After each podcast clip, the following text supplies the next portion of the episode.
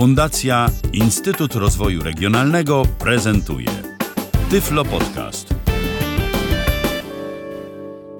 Witajcie w 121 odcinku Tyflo Przeglądu. Taki odcinek troszeczkę impromptu, bo no, okazuje się, że po pierwsze skład jest okrojony, a po drugie i najważniejsze nie jesteśmy na żywo, więc posłuchacie sobie nas yy, z nagrania. Yy, bez publiczności niestety nie dacie rady dziś z nami uczestniczyć, ale możecie to zrobić również w komentarzach. Yy, no a my już regularnie w następny wtorek, czyli ostatni dzień lutego, nie, już 1 marca w tym roku marca chyba. Tak.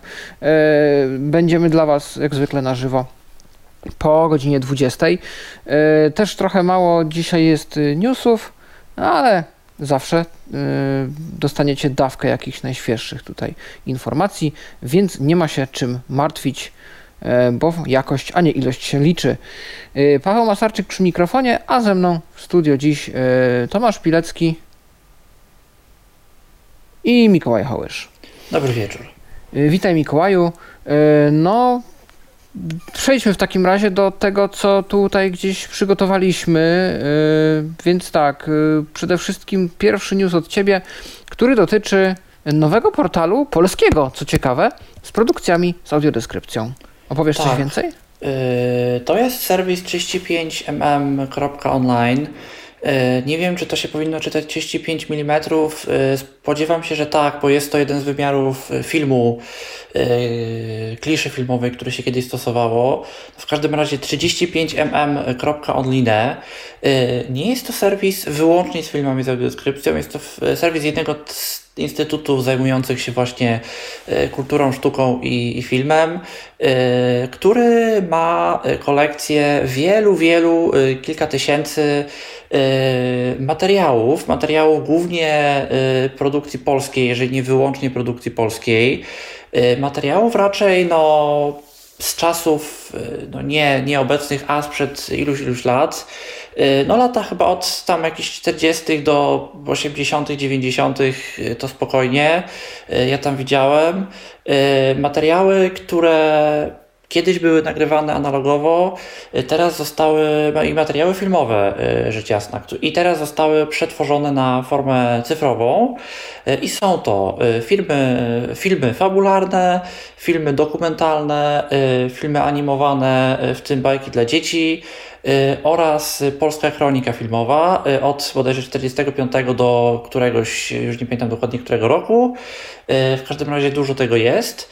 No i co ciekawe, serwis twierdzi i twórcy serwisu twierdzą, że spełniają wszystkie wymagania y, specyfikacji WCAG 2.0, czy innymi słowy są y, dla osób y, z niepełnosprawnościami w pełni dostępni, y, z czym ja się nie do końca zgodzę, y, ale o tym za chwilkę. Y, No i twierdzą, że wszystkie materiały umieszczone w serwisie mają audiodeskrypcję, mają napisy dla osób niesłyszących i mają, i teraz nie pamiętam, czy napisy, czy ścieżkę y, w języku angielskim y, dla obcokrajowców.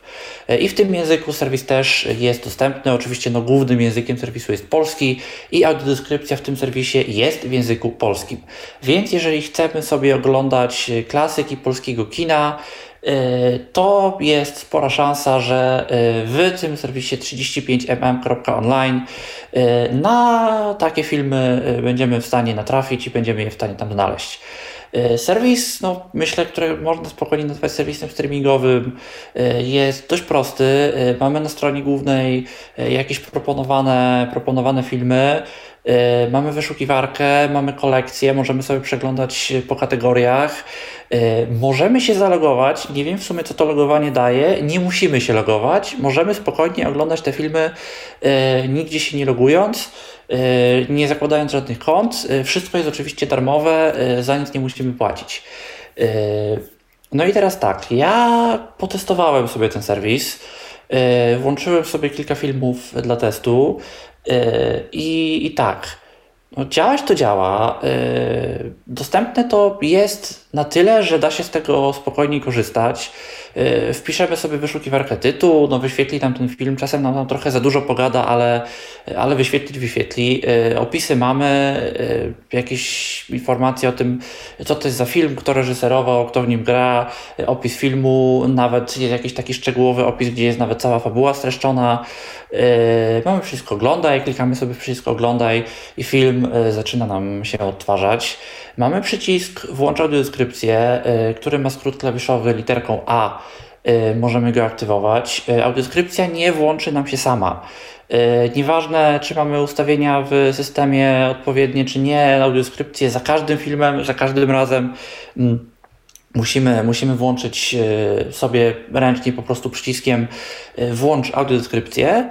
No i jeżeli tę audiodeskrypcję włączymy, to ta audiodeskrypcja przynajmniej na tych kilku filmach, które ja testowałem, faktycznie tam jest.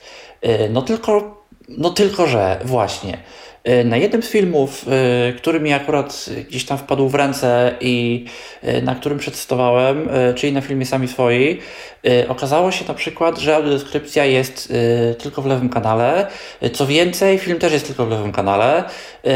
Jak włączymy ścieżkę audiodeskrypcji, to mamy po prostu lewy kanał, prawego nie mamy. Na zwykłej ścieżce bez deskrypcji tego problemu nie ma. No podejrzewam, że to będzie trzeba gdzieś zgłosić. Na ile to jest felerny film i na ile to jest jeden przypadek, a na ile to jest jakaś większa i no, jakiś większy problem. E, tego nie wiem, e, bo testowałem kilka innych filmów e, i na tych pozostałych filmach tego problemu nie było. Fakt, nie oglądałem jakoś nie wiadomo jak długich fragmentów tych filmów. Z tego co obejrzałem, wydawało mi się na kilku filmach y, odniosłem takie wrażenie, że ta audiodeskrypcja była trochę cichsza niż ja bym sobie tego życzył. Y, ale to jest może moja jakaś osobiste, moje, moje jakieś osobiste odczucie. Sam odtwarzacz jest jaki jest. On jest jakoś dostępny. Y, szczerze mówiąc, wcale nie tak fajnie, jakby się chciało. Na przykład niektóre przyciski są nie do końca poetykietowane. Niektóre przyciski jakieś etykietki mają, ale te etykietki nie są wcale takie oczywiste.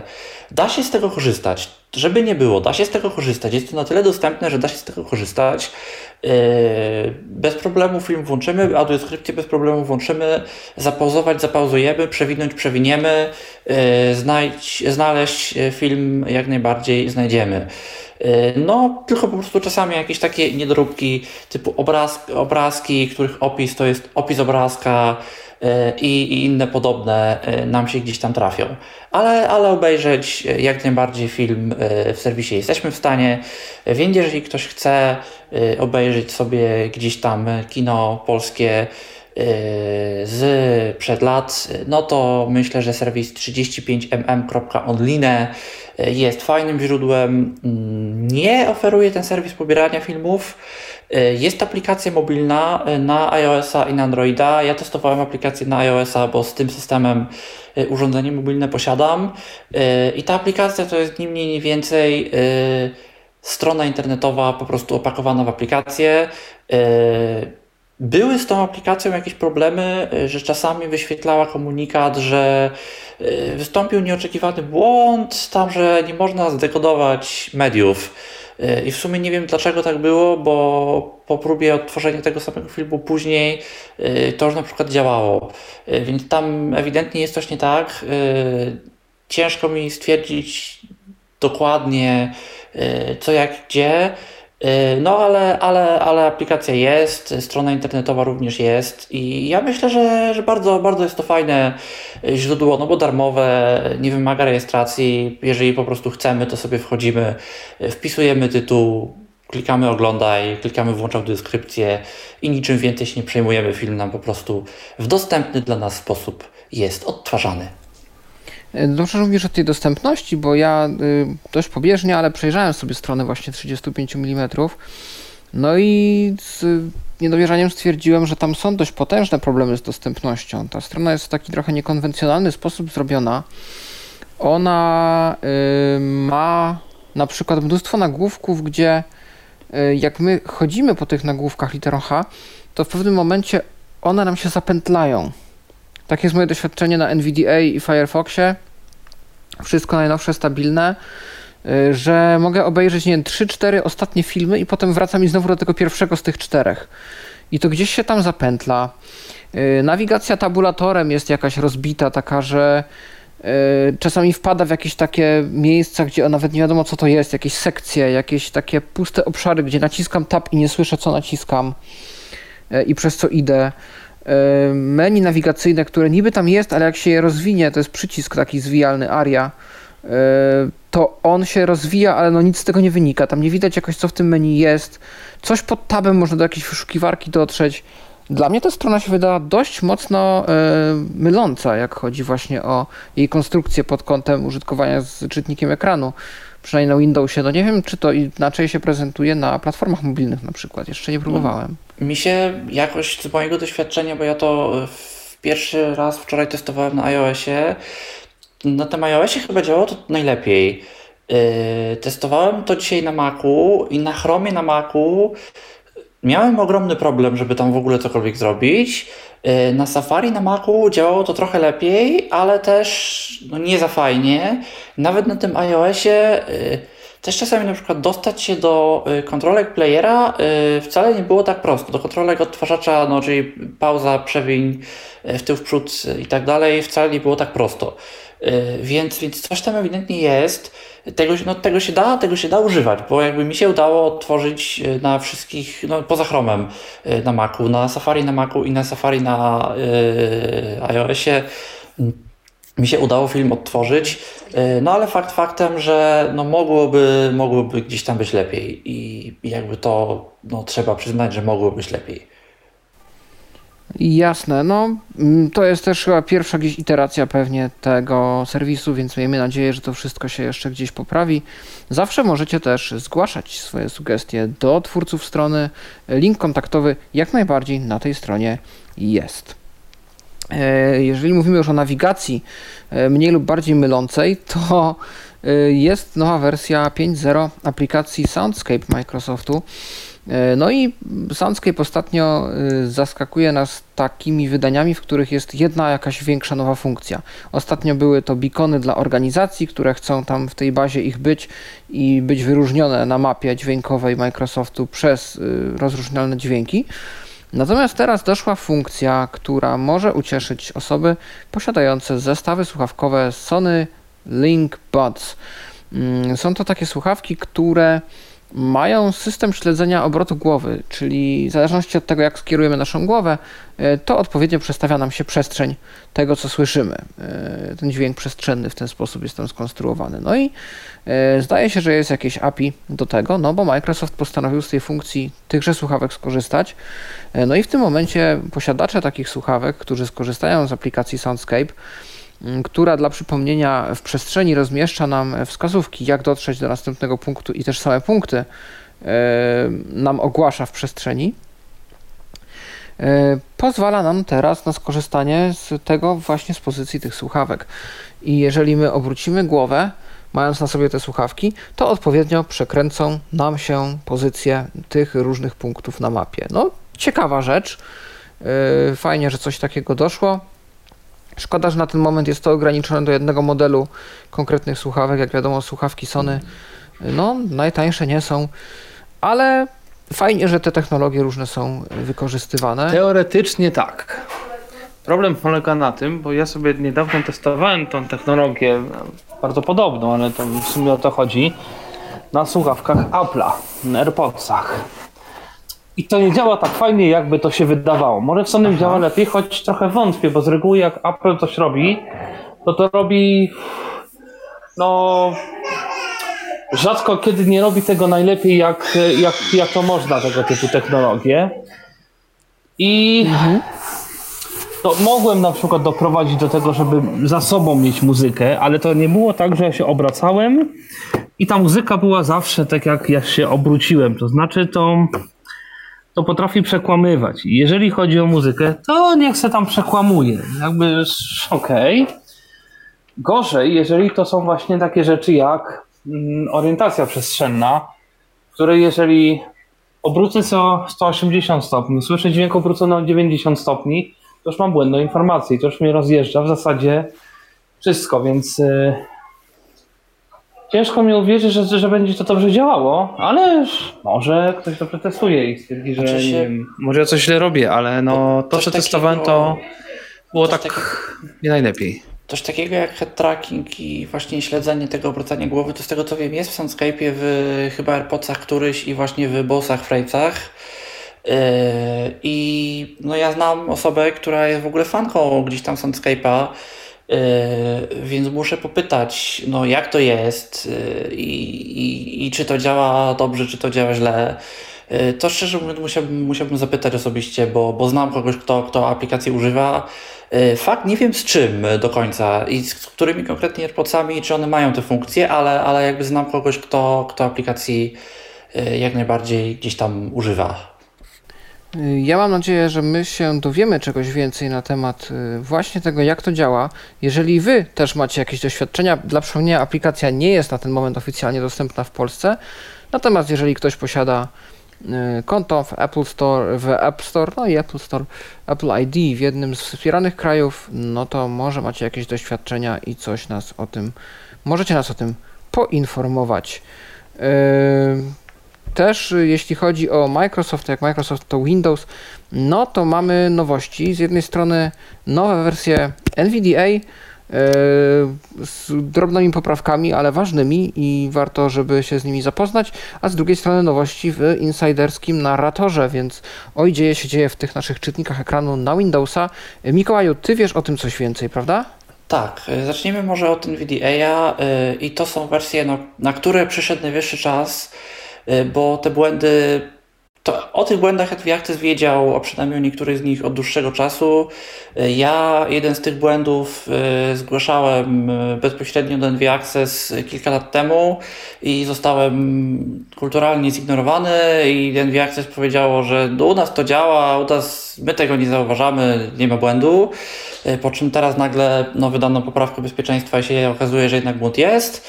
E, drugi z błędów e, siedział na GitHubie e, kilka miesięcy, to już gdzieś tam go ktoś inny zgłosił i, i, i, i no, nawet nie prywatnie, tylko GitHubem, gdzie no, powinien już szczególnie zwrócić wtedy uwagę.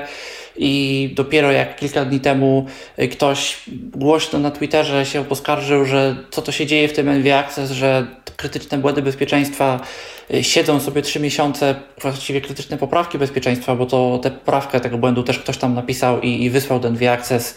Y, siedzą sobie trzy miesiące i NV Access ich za bardzo nie rusza i w ogóle co tu się dzieje i dlaczego tak, no to ktoś końcu łaskawie postanowił y, zająć się tematem, ale to dosłownie wygląda tak, jakby ktoś w końcu łaskawie postanowił zająć się tematem.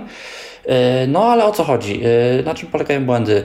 E, pierwszy błąd, jeżeli mamy ekran blokady systemu Windows, za pomocą hierarchii obiektów jesteśmy, a właściwie byliśmy sobie w stanie z tego ekranu systemu Windows wyjść wyjść poza niego, y, pooglądać sobie coś na pulpicie i pooglądać sobie przy okazji zawartość okien y, otwartych y, no, pod tym ekranem blokady systemu Windows. Czyli innymi słowy, jeżeli zostawiliśmy no, komputer na przykład w trybie uśpienia, a czasami nawet i po, po jego wyłączeniu, jeżeli osoba, która przejęła ten nasz komputer, nie znając naszego hasła, Y, dostała się do ekranu blokady systemu Windows, y, no to sobie mogła przejrzeć co my mamy w danej chwili po prostu otwarte. Wszystko, co my w danej chwili mamy otwarte.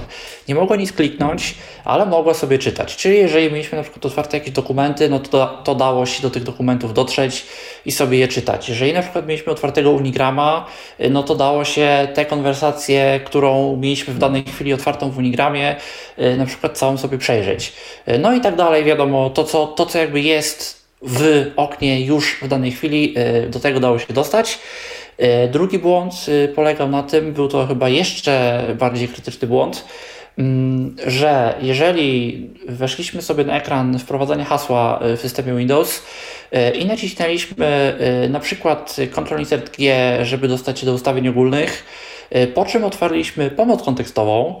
Pomoc kontekstowa to jest funkcjonalność, która doszła do NVDA kilka wersji temu, która no, opisuje nam, wyjaśnia nam, co dane okno robi i jak z niego korzystać i do czego służą poszczególne opcje w tymże oknie, to otwierała nam się na ekranie hasła, na ekranie logowania przeglądarka Internet Explorer.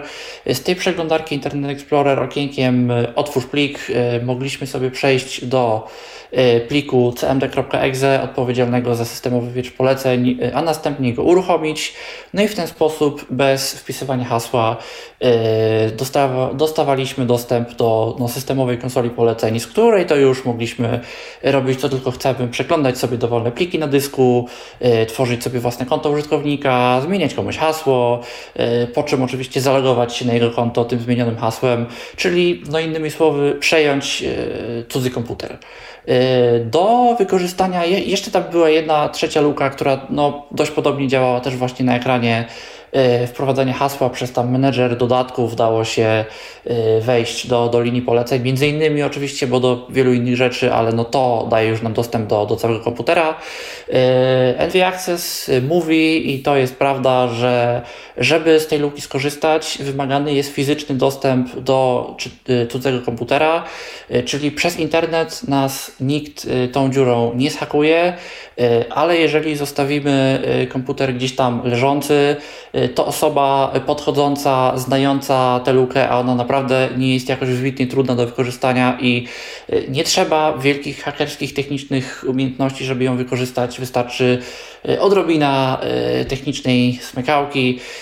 No, będzie w stanie nam to po prostu ten komputer, nie znając hasła, przejąć. No, co myślę, zwłaszcza w jakichś ośrodkach i wszelkiego rodzaju y, miejscach, gdzie y, wiele osób niewidomych, a więcej niż jedna właściwie y, siedzą, może stać się problemem.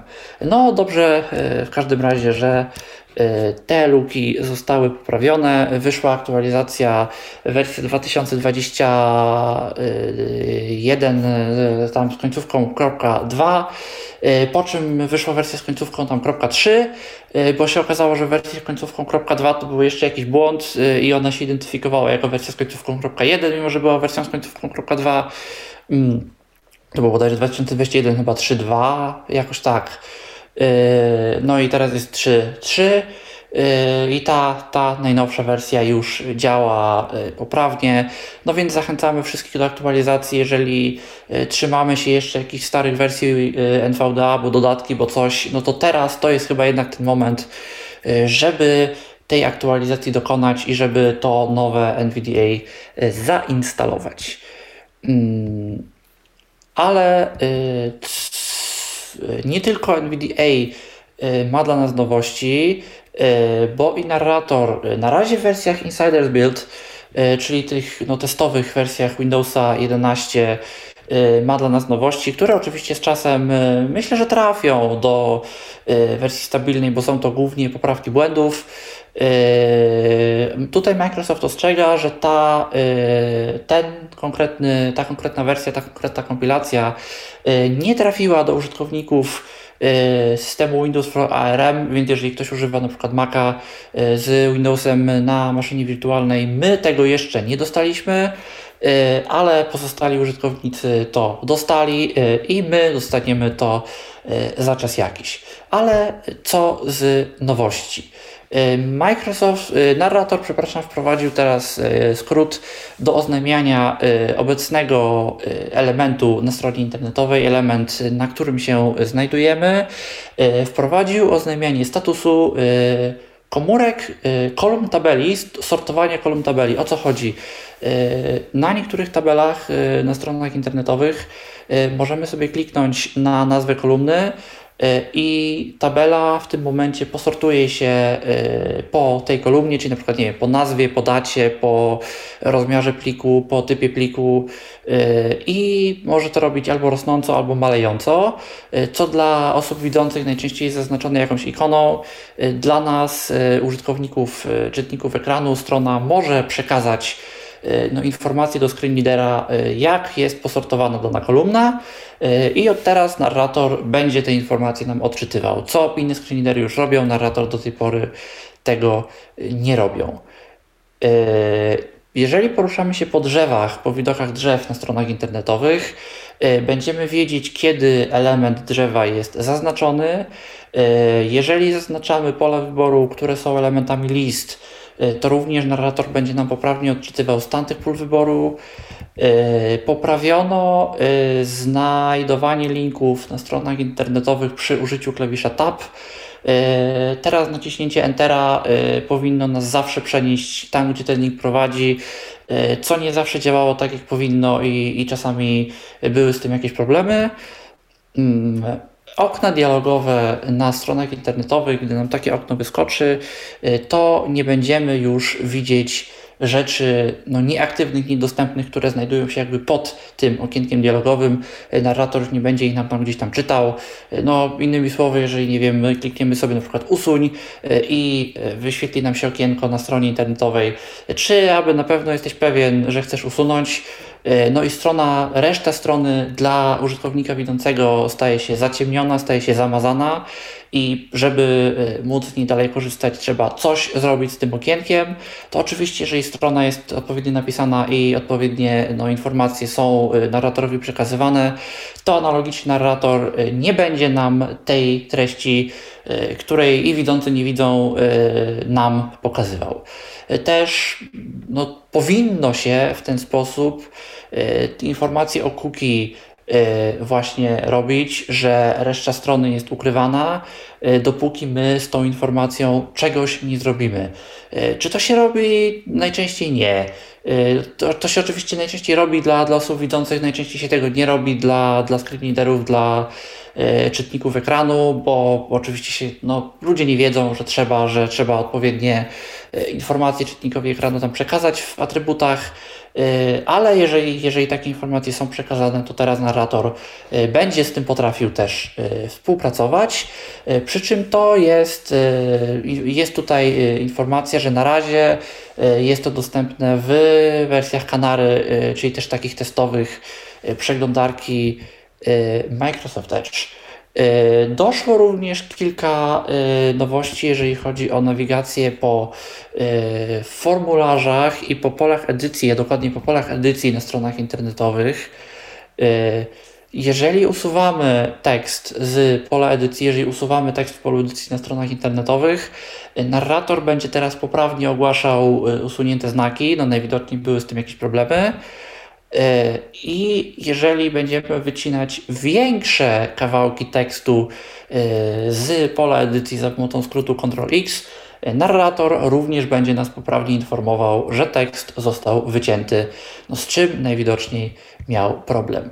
Microsoft oczywiście zachęca do tego, że jeżeli znajdziemy jeszcze jakieś błędy w narratorze, coś nam jeszcze nie działa, no to mamy aplikację Feedback Hub w Windowsie i z tej aplikacji możemy skorzystać żeby Microsofta, Microsoft, przepraszam, firmę Microsoft poinformować o tym, że no, jakiś błąd istnieje, też bodajże narrator plus chyba F. E, był taki skrót, który już bezpośrednio otwierał e, okno informowania o błędzie e, konkretnie związanym gdzieś tam z dostępnością w systemie Windows. Microsoft Accessibility też ma profil na przykład na Twitterze i nawet, nawet oni tam odpowiadają. To nie jest tak, że jest to tylko jakaś korporacyjny profil do wrzucania reklam.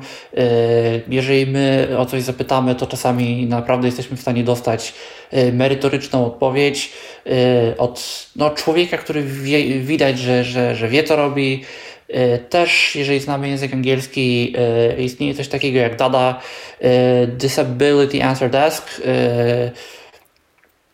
czyli e, miejsce, gdzie możemy się e, no, zapytać o, o, pewne rzeczy związane z dostępnością, miejsce dla osób niepełnosprawnych, gdzie się można z Microsoftem kontaktować i e, pytać o wszelkie kwestie związane z dostępnością, jeżeli nie potrafimy sobie z czymś poradzić, czy to w Windowsie, czy to na przykład w Office, to myślę w Office może być bardzo, bardzo przydatna rzecz. Jeżeli jakiejś funkcji e, Office'a nie potrafimy z programem odczytu ekranu użyć, e, to możemy użyć właśnie tego Disability Answer Desk. Jest również Enterprise Disability Answer Desk, czyli taka sama usługa, no teoretycznie lepsza, no, na którą Microsoft gdzieś tam poświęca więcej chyba zasobów, która jest dostępna dla użytkowników kont firmowych lub edukacyjnych wszelkiego rodzaju. No, czyli jeżeli jesteśmy zalogowani kontem Microsoft nie naszym osobistym, tylko w jakiejś firmie, w jakiejś szkole czy innej organizacji, z którą współpracujemy. No i na tym Enterprise Disability Answer Desk w tej usłudze Microsoft również może nam pomóc z takimi właśnie typowo e, firmowymi e, usługami, czy, czy to na przykład jakieś Teamsy, jeżeli coś z tym mamy problem, czy jakieś kwestie związane z administracją, no czymś przez osoby na przykład niewidome, jeżeli pracujemy jako administrator, to w tej usłudze Microsoft nam również może odpowiadać na pytania. No i to byłoby tyle, jeżeli chodzi o Windowsa, to byłoby tyle, jeżeli chodzi o narratora. Ja jestem w ogóle zaskoczony tym, że um, narrator ma dość specyficzny y, schemat, znamienny niestety y, dla wielu firm y, głównego nurtu, które zajmują się dostępnością i tworzeniem swoich screenreaderów. E, jeśli chodzi o wprowadzane zmiany, czyli że tam nie ma na przykład, że weszło wsparcie dla jakiejś tam, nie wiem, całej technologii czy czegoś, czy ulepszyliśmy coś tam w zakresie, tylko że to są konkretne funkcje. Dodaliśmy funkcję czytania skasowanego znaku. Dodaliśmy funkcję czegoś. To jest tak po kolei, powolutku podziubane, a nie jest to jakiś szerszy pakiet, który po prostu na przykład do porządku doprowadza jakąś konkretną kontrolkę czy konkretny zestaw zachowań. Chyba, że to nie wiem, może jestem zbyt ostry wobec Microsoftu, ale... Może tak jest, ale ja wcale nie uważam, że to, y, że to jest jakieś złe, no bo jest w świecie technologii takie powiedzenie move fast and break things, czyli y, rób rzeczy szybko, no i ewentualnie coś rozwalisz, jak rozwalisz, to naprawisz. Y, no czy innymi słowy, robimy jakieś zmiany, małe zmiany, wypuszczamy te zmiany jak szybko się da do użytkowników, żeby mogli z nich skorzystać, Y, zbieramy opinie, co użytkownicy o tych zmianach sądzą i ewentualnie albo je wycofujemy, albo jeżeli użytkownikom się one bardzo, bardzo, bardzo spodobały, no to się skupiamy no, mocniej na tym kierunku, bo ewidentnie widać, że jeżeli my idziemy w tą stronę, to, to ludzie to lubią. Mm-hmm. No ale z drugiej strony, y, co ja na przykład cenię w Microsoftie, y, czego na przykład w Apple'u no nie ma, a na pewno nie do tego stopnia, to są szczegółowe opisy, co się w tym narratorze tak naprawdę dzieje. Bo w Apple'u co? Dostaliśmy w macOSie 12 automatyczne przełączanie języków w VoiceOverze. Nie wiem, czy gdziekolwiek była o tym wzmianka. E, dostaliśmy głosy neuronowe Siri. Nie wiem, czy gdziekolwiek była o tym wzmianka. E, Jasne. Mhm. Wiele no tak. błędów, które jest poprawiane, czy to w iOSie, czy to w macOSie voiceoverowym, e, no nie, nie ma o tym informacji. Trzeba czytać sobie w Applevisie. Oczywiście o tych większych błędach informacje są, ale nie o wszystkim. No i trzeba, trzeba powiedzmy korzystać z takich źródeł jak Applevis, gdzie to po prostu ludzie, gdzie to po prostu wolontariusze, no zbierają informacje o tym, jakie błędy są i jeżeli wychodzi nowy iOS, no to sprawdzają, y, czy dany błąd nadal istnieje i jeżeli istnieje, y, jeżeli nie istnieje, no to informują, że został on wtedy, wtedy poprawiony. Y, no, gdzie w Microsoftie to dostajemy informację, że wyszedł nowy narrator i poprawiliśmy to, to, to, to, to, to, to, to. to. No to jest akurat prawdą, że w VoiceOverze to trochę tak się potem na partyzanta łowi wszystkie nawet nowe funkcje, bo błędy to jedno, ale nowe funkcje nawet, y, gdzie na przykład ja dopiero niedawno się dowiedziałem i nie widziałem tego w żadnym y, ani Applewisowym y, raporcie, ani gdzieś nigdzie Apple się tym nie chwalił. Opcja monitorowania kontrolek w VoiceOverze. To tak, jest coś takiego. Mhm. I to chyba chodzi o to po prostu, komentary też to ma, e, że wybieram sobie jakiś suwak, jakąś kontrolkę, gdzie jakieś wartości się zmieniają, e, ustawiam ją sobie do śledzenia i ja mogę w tym momencie być gdziekolwiek na ekranie tej aplikacji e, i będę miał automatyczne odczyty z tej danej kontrolki. No myślę, że w jakiejś takich automatyce domowej, różnego rodzaju jakichś wskaźnikach, miernikach, y, to może być Grach bardzo... chociażby nawet. Też. E, mhm. Bo przecież też możemy mieć, no często nawet mamy w grach taką sytuację, że coś musimy zrobić, gdy no coś się stanie, zbierzemy ileś drewna, żołnierzyk nam dojdzie, e, cokolwiek. E, no i, i, i widzący widzi, my nie widzimy. I no fajnie by było, gdyby nam program odczytu ekranu o tym fakcie powiedział. Jasne. E, my tymczasem wiemy już więcej o takim urządzeniu jak Biped. E, o nim była mowa w pierwszym chyba odcinku Tyflo Przeglądu w tym roku. I to był chyba nawet jeden z pierwszych newsów, jak dobrze pamiętam. E, Paulina przedstawiała wtedy te wiadomości swoje i to była chyba jedyna nowość, którą przytoczyliśmy z CES-a, z Consumers Electronics Show tegorocznego. Mm, była to nawigacja na bazie technologii używanej w autonomicznych samochodach. I wiemy już trochę więcej, i to super, że wiemy, bo często tego typu projekty gdzieś tam robią dużo szumu medialnego, ale w mediach głównego nurtu, niekoniecznie takich skupionych na niewidomych. Mm, a tymczasem yy, szef całego przedsięwzięcia yy, udzielił wywiadu w podcaście Mosen at Large u Jonathana Mosena. No i bardzo konkretnie się wypowiada na temat tego urządzenia. Są dość duże plany. E, zostało dość szczegółowo opisane to, czym urządzenie jest i czym ono też nie jest na ten moment. No i tak, e, mówimy o urządzeniu, które nosimy na sobie, jak taką trochę kamizelkę. E, jest sobie część z baterią, która leci gdzieś na naszych plecach, pod pachami i z przodu zapinamy sobie urządzenie. Prawa strona ma zestaw trzech kamer 3D które podobnie jak w samochodach samojezdnych zbierają obraz 170 stopni. E, urządzenie, tu w odpowiedzi na pytanie Jonathana, nie jest e, jakieś bardzo mm, niekomfortowe do noszenia i też nie zwraca uwagi za bardzo. Ono jest dość dyskretne. Zdaje się, że wcześniejsze jakieś iteracje nie były aż tak e, dyskretne. Ta już jest, ta, która pójdzie na rynek. Ponoć z daleka nawet to wygląda tak, jakbyśmy nosili jakiś plecak czy coś, więc nawet nikt nie powinien zwrócić na to uwagi. E, przez to też urządzenie nie, nam, nie zastąpi nam laski ani psa przewodnika. I to jest bardzo ciekawa w ogóle tutaj sugestia, bo no właśnie, w przypadku wielu tych urządzeń jest taka nadzieja, że one nam zastąpią na przykład laskę. E, no tylko problem, na jaki zwrócił uwagę y, twórca rozwiązania Biped, polega na tym, że no nie ma tak naprawdę oprócz białej laski, czy psa, czy nawet jakiegoś może takiego znaczka. W Niemczech są takie te znaczki z trzema kropkami, takie opaski, które się nosi na, gdzieś tam na przedramieniu. Yy, ciężko o jakiś system rozpoznania osoby niewidomej na ulicy. E, no więc y, dlatego twórca stwierdził, że oni już testowali, oni robili różne testy, no i największym wyzwaniem było to, że e, no, osoby niewidome, które chodziły z samym tylko urządzeniem, e, ciężko było odróżnić na ulicy i to mogło tak naprawdę spowodować największe niebezpieczeństwo. Natomiast sam system wykrywa przeszkody, tworzy sobie obraz tych kamer, analizuje go, jest w stanie rozpoznawać na ten moment około 24 różnych klas przedmiotów, E, z 30 metrów.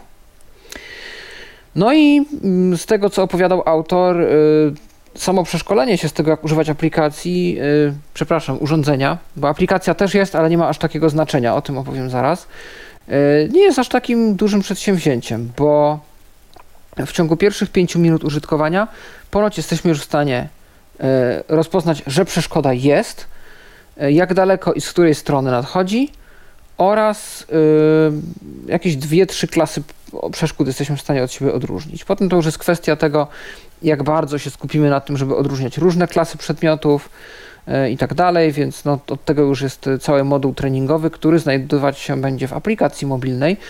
Aplikacja mobilna będzie służyć nam również do personalizacji ustawień, czyli na przykład które dźwięki na które typy przedmiotów, bo dźwięki są ponoć dość muzyczne, Mm, i one były tworzone wspólnie z jakimś designerskim teamem, który działa zazwyczaj w grach komputerowych, ale mają przypominać na przykład właśnie samochody, na przykład jakieś tam ściany i tak dalej, grupy ludzi. Yy, no w związku z czym yy, nie wiem, czy to będą bezpośrednio dźwięki samochodów, czy jakiś dźwięk, nie wiem, umuzyczniony, który samochód przypomina, no ale to jest już kwestia do rozpracowania na konkretnym urządzeniu. No i będzie opcja gdzieś personalizacji tego, jak i czym będziemy informowani. E, urządzenie e, również e, są takie plany, ma w przyszłości wspierać jakiś rodzaj nawigacji.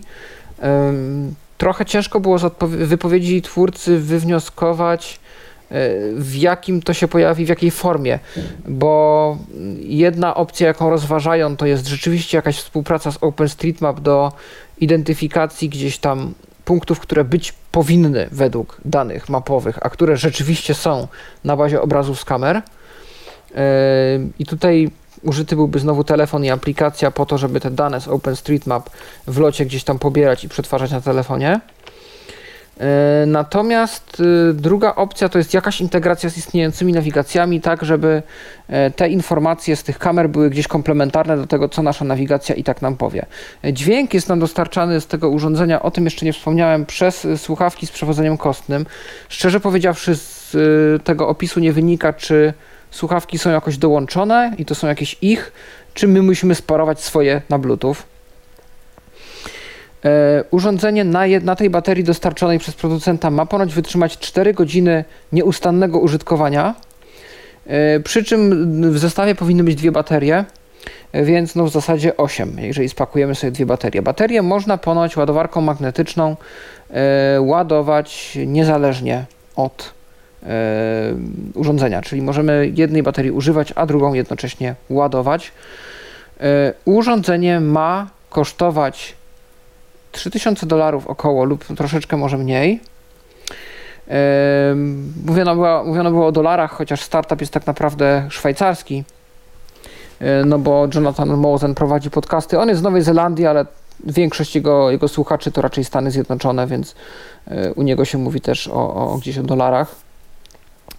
E, jest też rozważany model subskrypcyjny, w którym urządzenie będzie dostępne za około 100 dolarów miesięcznie z opcją przetestowania przez miesiąc. E, no i też y, twórca liczy na to, że to będzie jakoś refundowane przez jakieś programy rządowe. E, no, jak to wygląda, to doskonale wiemy. E, no i przewidywany czas, termin uruchomienia tego rzeczywiście już na rynek to ponoć już wrzesień tego roku. Więc nie jest to jakaś odległa wizja i odległa perspektywa. E, ja jestem osobiście ciekaw, e, jak to będzie mm, i jakie będą wrażenia z używania tego urządzenia. No, miejmy nadzieję, że wtedy już się zaczną pojawiać jakieś pierwsze recenzje. No, jeżeli będą jakieś pytania odnośnie urządzenia czy coś, to możecie zawsze w komentarzu zamieścić. Ja mogę odpowiedzieć tylko na tyle, na ile informacje były udzielone w wywiadzie. Nie wiem, czy ktoś z Was ma jakieś komentarze do tego. Jeśli nie, to możemy się przemieścić do kolejnej e, nowinki, a raczej no dosyć smutnej, e, jeśli chodzi o takie urządzenia ułatwiające, czy w jakiś sposób rewolucjonizujące życie osób niewidomych. No bo takim świętym gralem gdzieś na polu takich technologii, no w zasadzie biotechnologii, są oczy bioniczne. No i teraz wyobraźcie sobie sytuację, że macie takie oczy, i pewnego dnia dowiadujecie się, że firma, która je stworzyła, bankrutuje. I te oczy już nie będą wspierane. I co wtedy się dzieje? I jaki jest w tym momencie problem? E, ty, Mikołaju, zdaje się, tego typu sprawę rozpracowałeś? Tak, pojawił się artykuł e, na stronach organizacji, zresztą IEEE, E, czyli no, Światowego Stowarzyszenia e, Elektroników i Inżynierów, jakoś to się tak, e, inżynierów chyba elektrycznych, jakoś tak to się bodajże nazywa. No dość sławna gdzieś tam organizacja, która ma też gdzieś swój taki mm, magazyn. No, w każdym razie chodzi tutaj o urządzenia Second Sight, które to ciekawe były produkowane już od wielu, wielu lat bo w bodajże 2004 roku pierwsze były takie urządzenia wszczepiane. Na początku pierwsza generacja to było 16 elektrod, no 16 pikseli, to jest niesamowicie malutka rozdzielczość, ale podobno niektórym osobom to pomagało chociaż zobaczyć gdzieś tam co jest przed sobą. Kolejna generacja to było 60 pikseli. I tu już podobno niektórzy byli nawet w stanie wychwycić na przykład, czy patrzą na pasy na drodze, czy patrzą na drogę. Wiadomo, że no, czytać tekstu to raczej no, nie było tym opcji, to na tyle dokładne nie jest, ale jakieś takie naprawdę bardzo podstawowe informacje typu czy przede mną jest ściana, czy przede mną ściany nie ma, to byliśmy w ten, w ten sposób w stanie wychwycić. No i okazało się, że już kilka lat temu y, w tej firmie no, nie działo się dobrze. Bo oczywiście produkcja urządzenia produkcją urządzenia, ale ogromne, ogromne, ogromne koszty w przypadku takiego urządzenia pochłania zaspokojenie państwowej biurokracji, zaspokojenie papierologii, badań, badań, wniosków o badania i nie wiadomo czego jeszcze. Oczywiście każde państwo gdzieś tam z osobna, e, w którym firma chciałaby działać, chce. E, no i po prostu firma no, nie była w stanie e, komercyjnie tych kosztów gdzieś tam wytrzymać. Więcej pieniędzy traciła niż zyskiwała. W pewnym momencie przestano produkować nowe urządzenia, właśnie te second sites i przestano je już ludziom wszczepiać. Klienci zostali poinformowani, że no, będą mieć e, pomoc i będą mieć wsparcie techniczne dla tych urządzeń. To się okazało, że wcale, wcale podobno nie jest prawdą. E, przeprowadzono wywiad z jednym z inżynierów, który pracował w tej firmie i no, on twierdzi, że w momencie jak już przestano to nowe urządzenie produkować, to po prostu marketingowo mówiono, że wszystko będzie dobrze, a efekt był taki, że po prostu już kompletnie zapomniano o projekcie i przestano się nim zajmować.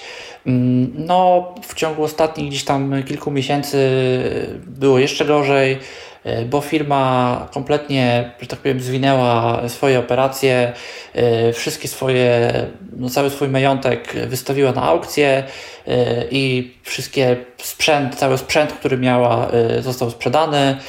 Następnie połączyła się ona z jakąś inną firmą e, też działającą w branży farmaceutycznej, ale już w, konkretnie, w kompletnie gdzieś tam innej e, działce, w bodajże dostarczaniu leków pacjentom przez jakieś implanty. No, czyli już wcale nie do końca w kwestiach związanych z okulistyką, związanych ze wzrokiem. No i co się okazało? Y, ludzie zostali teraz na lodzie. Y, ci, którzy to urządzenie mają, to to urządzenie mają. Y, w momencie, jak to urządzenie się zepsuje, to no, już nie ma za bardzo odwrotu. Okazuje się, że na przykład jednej z osób, bo urządzenie działało tak, że były okulary, okulary miały na sobie kamerę, kamera nagrywała obraz, obraz był wysyłany do jednostki przetwarzającej wideo, y, którą mieliśmy przypiętą przy pasie, y, po czym wysyłane z powrotem do okularów w no, zdatnej do wysłania y, implantowi formie, następnie anteną bezprzewodowo z okularów wysyłany do tego implantu. No i co się okazało, jedno, jednemu na przykład użytkowników ten element odpowiedzialny za przetwarzanie y, obrazu, który, który ma się przypięty przy pasie, spadł y, i rozpadł się kompletnie y, na kawałki. No i oczywiście nie dało się już w sklepie kupić nowego.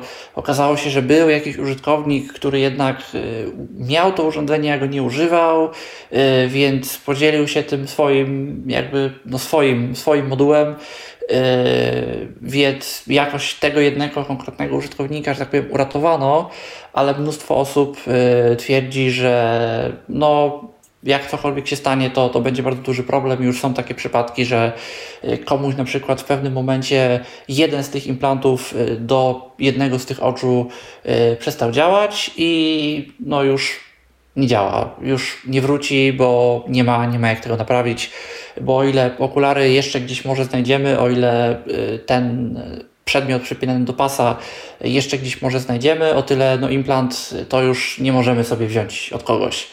Y, co gorsza, okazuje się, że y, no, użytkownicy zostali poinformowani, że na przykład nie mogą mieć y, skanów rezonansu magnetycznego, na przykład mózgu, bez wcześniejszej konsultacji z firmą, po czym się teraz okazało, że konsultacja z firmą nie jest możliwa, bo firma się zwinęła. I no, są osoby, które mają, jest jakaś jeden, jedna pacjentka, która ma podejrzenie jakiegoś guza bodajże mózgu e, i nie za bardzo da się cokolwiek teraz zrobić, e, bo nikt nie wie, czy można i jak, jeżeli można, dokonać właśnie takiego skanu, ponieważ no, ten implant może zawierać w sobie jakieś elementy metalowe i wiadomo, że jeżeli mamy coś metalowego w oku i przyłożymy do tego niesamowicie silny magnes, to może to się skończyć tragicznie. Więc no, jest to taka poniekąd kubeł zimnej wody wylany na osoby, które twierdziły, że bioniczne oko to będzie takie coś nie wiadomo jak super, no bo okej, okay, urządzenie może fajne, urządzenie wielu osobom gdzieś tam się sprawdza, no tylko pytanie, no właśnie co w momencie, gdy my wszczepimy sobie jakiś implant, a y, w pewnym momencie no, twórca, producent y, przestanie, przestanie funkcjonować, przestanie istnieć. A to nie jest, nie wiem, zwykła płytka czy nie wiadomo co sobie tam w obecnej chwili ludzie wszczepiają. Jest to no, bardzo skomplikowana, nowoczesna technologia i nie wiedząc jak ona jest zbudowana, nie wiedząc co ona ma w środku, a nikt poza producentem no, tego nie wie, nie wie, bo wiadomo, e, tajemnice handlowe i tak dalej, e, no mamy, mamy bardzo duży problem, jeżeli coś się dzieje, albo no, jeżeli urządzenie się zepsuje, albo jeżeli coś niedobrego dzieje się też z naszym zdrowiem, no bo pamiętajmy o tym, że takie urządzenie to jest element, e, który gdzieś tam no, siedzi głęboko w naszym organizmie. No tak, to są takie też konsekwencje, o których czasem się nie myśli, to widzę też po tweetach wielu osób niewidomych, że y, no, różne mieli obiekcje y, przeciwko właśnie bionicznym oczom, że czemu to może nie być aż taka rewolucja, ale to akurat do głowy im nie przyszło. No całe szczęście, że to nie było jeszcze oparte o jakieś usługi chmurowe, które z dnia na dzień zostały wyłączone. Y, ale patrząc na to, gdzie technologia zmierza, no to też trzeba by o tym pomyśleć, że no właśnie, tak jak słynny CU Fon skończył, któremu gdzieś tam jakieś licencje wygasły i z dnia na dzień nagle przestał mówić, więc to też tak. No, e, z tymi technologiami różnie bywa. No i wygląda na to, że mamy ostatni element na naszej liście, na naszej agendzie dzisiejszej, a są to również od Ciebie, Mikołaju, drobne newsy takie pomniejsze. Co tam tak, dziś przygotowałeś? Zaczniemy od telefonów i to taka mniej informacja, bardziej przypomnienie dla słuchaczy, bo no, amerykański operator komórkowy AT&T ostatnio poinformował, że zamknął ostatni y, swój nadajnik y, w technologii 3G, y, a przypomnienie polega na tym, że u nas w Polsce taki proces również trwa i operatorzy również te nadajniki zamykają. E, a wiem, że są, e, no zwłaszcza wśród osób niewidomych, e, osoby, które twierdzą, że dotykowy telefon to nie jest urządzenie dla nich i się trzymają kurczowo gdzieś tam jeszcze Nokii starych z Toxem lub Mobile Speakiem, bo wiadomo, że zwykłego telefonu z klawiszami w sklepie za 100 zł, który sobie możemy kupić teraz w Biedronce lub dowolnym innym markecie tego typu, no osoba niewidoma raczej nie obsłuży, bo nie da się na nim najczęściej zainstalować programu y, odczytu ekranu. Y, no, takim osobom przypominamy, że za czas jakiś y, te telefony po prostu stracą zasięg i te Nokie no, nie będą już zdatne do dzwonienia. I no, wypadałoby pomyśleć o nowym urządzeniu tego typu. Albo może to być, jeżeli jednak jakoś no, jesteśmy fizycznie w stanie i żadna inna, że tak powiem, niepełnosprawność nam w tym nie przeszkadzać, nie przeszkadza. E, może być to, może być to smartfon, bo to wcale nie jest tak, że osoba niewidoma e, nie jest z niego w stanie skorzystać. No a jeżeli faktycznie mamy jakąś niepełnosprawność ruchową manualną, może być to chociażby Blindshell Classic, czy inny telefon z klawiaturą udźwiękowiony, który jest w ofertach firm Tyflo. No niestety obecnie takie urządzenia kosztują y, i takie urządzenia kosztują niemało. I y, no jeżeli tylko możemy korzystać z telefonu dotykowego, to ja uważam, że warto, zdecydowanie warto. Y, nie jest to wcale takie straszne, jakby się mogło ludziom wydawać. My wszyscy tutaj korzystamy i jak najbardziej da się i jak najbardziej można. Teraz przechodząc do komputerów, E, moduł, który nazywa się Accessible Output 2, e, czyli moduł, który jest wykorzystywany do komunikacji e, między programem a, odczytu, a między aplikacją a programem odczytu ekranu przez wiele programów dla osób niewidomych, od SoundRTS-a przez klienty Twittera, jakieś TV Blue Chicken Nugget, Twistcake'i, Y, po, y, po nawet y, programy Christophera Tosa i firmy Accessible Apps, No, większość oprogramowania napisanego w Pythonie dla osób niewidomych, które musi się ze screen readerem komunikować, korzysta właśnie z modułu Accessible Output 2. Ten moduł dostał teraz wsparcie dla ZDSR-a.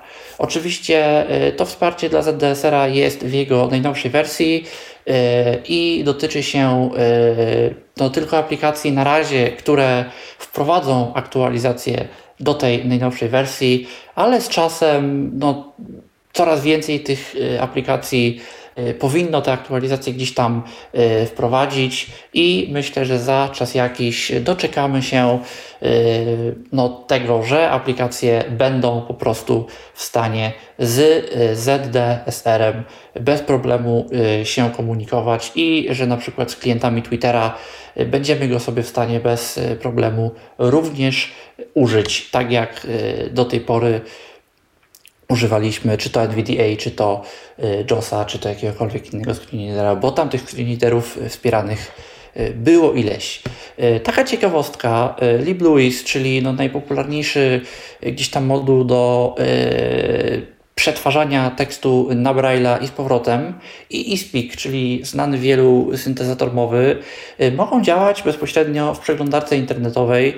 Są ich wersje, że tak powiem, na przeglądarkę.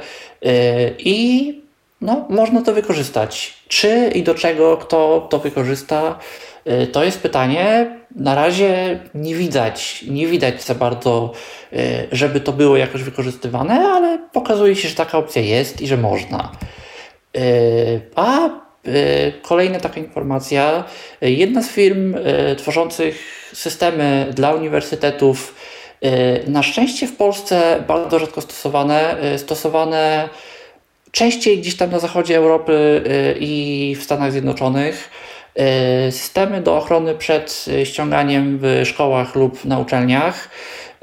Jedna z firm stworzyła taką dość no, innowacyjną, pomysłową technologię, polegającą na tym, że pyta w pytaniach zamienia się pewne znaki na znaki, które bardzo podobnie wyglądają, a są czymś kompletnie innym. Czyli na przykład literę A y, możemy zamienić na literę A pisaną cyrylicą y, i y, wygląda ona tak samo, ale jeżeli wpiszemy to w Google'a, to przekieruje nas, zostaniemy przekierowani do strony producenta z tym pytaniem zamiast do jakiejkolwiek innej strony, no bo przez to, przez to, że tam będzie ten podmieniony znak, to znajdziemy tą stronę, y, na której to pytanie będzie dostępne również z podmienionym znakiem, a w tym momencie y, program może wykryć, że my wpisujemy w Google jakieś pytania i że my klikniemy, e, kliknęliśmy w jakieś pytanie i e, czytamy sobie na nie odpowiedzi, pisząc jednocześnie egzamin i oczywiście poinformować o tym profesora. Dlaczego pojawia się o tym informacja tutaj? No dlatego, że takie zamiany, o ile bardzo podobnie wyglądają dla osób widzących, bardzo źle mogą działać z czytnikami ekranu, no bo o ile litera A dla osoby widzącej pisana czy cyrylicą w tam jakiś konkretny sposób i pisana y, naszym łacińskim alfabetem y, też w jakiś konkretny sposób y, może wyglądać tak samo, o tyle dla użytkownika, czytnika ekranu wcale ona tak samo nie wygląda. Tak samo na przykład zbitka liter R i N jakąś tam konkretną czcionką wygląda dla osoby widzącej bardzo podobnie do litery M co oczywiście dla czytnika, dla czytnika ekranu no, jest tylko ni mniej ni więcej nadal R i N. I my w ogóle nawet nie wiemy, nie zdajemy sobie sprawy, y, że ma to przypominać N. Y, więc jeżeli kiedyś byśmy się w Polsce, bo nie wykluczam, że ktoś y, takie gdzieś tam elementy stosuje, bo wydawało mi się, że to są tylko Stany, a to wcale nie są tylko Stany. Europa, Europa też, Europa też. No to, to jakby miejmy świadomość skąd Y, takie dziwne y, elementy mogą się, y, mogą się pojawić. No i to też taka gdzieś tam ciekawostka, że czasami próba zapobieżenia jednemu kończy się tym, że po prostu psujemy masakrycznie dostępność.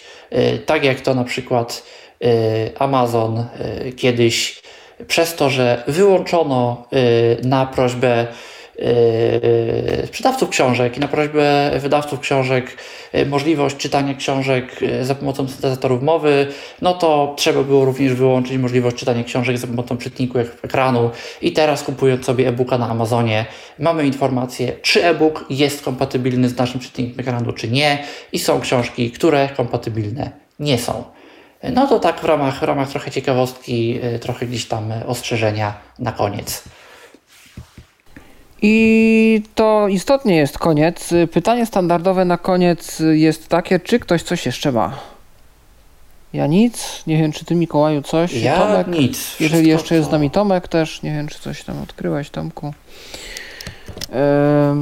Dobrze. No w takim razie to by było na tyle na dziś, w tym naszym chyba najkrótszym Tyflo przeglądzie, jaki był. E, odcinek 121. E, żegnamy się z Wami. Do następnego razu. E, w studio był Mikołaj Hołysz i Tomek Bilecki, e, a przy mikrofonie Paweł Masarczyk. Żegnam się z Wami. Do usłyszenia znów. Był to Tyflo Podcast. Pierwszy polski podcast dla niewidomych i słabowidzących. Program współfinansowany ze środków Państwowego Funduszu Rehabilitacji Osób Niepełnosprawnych.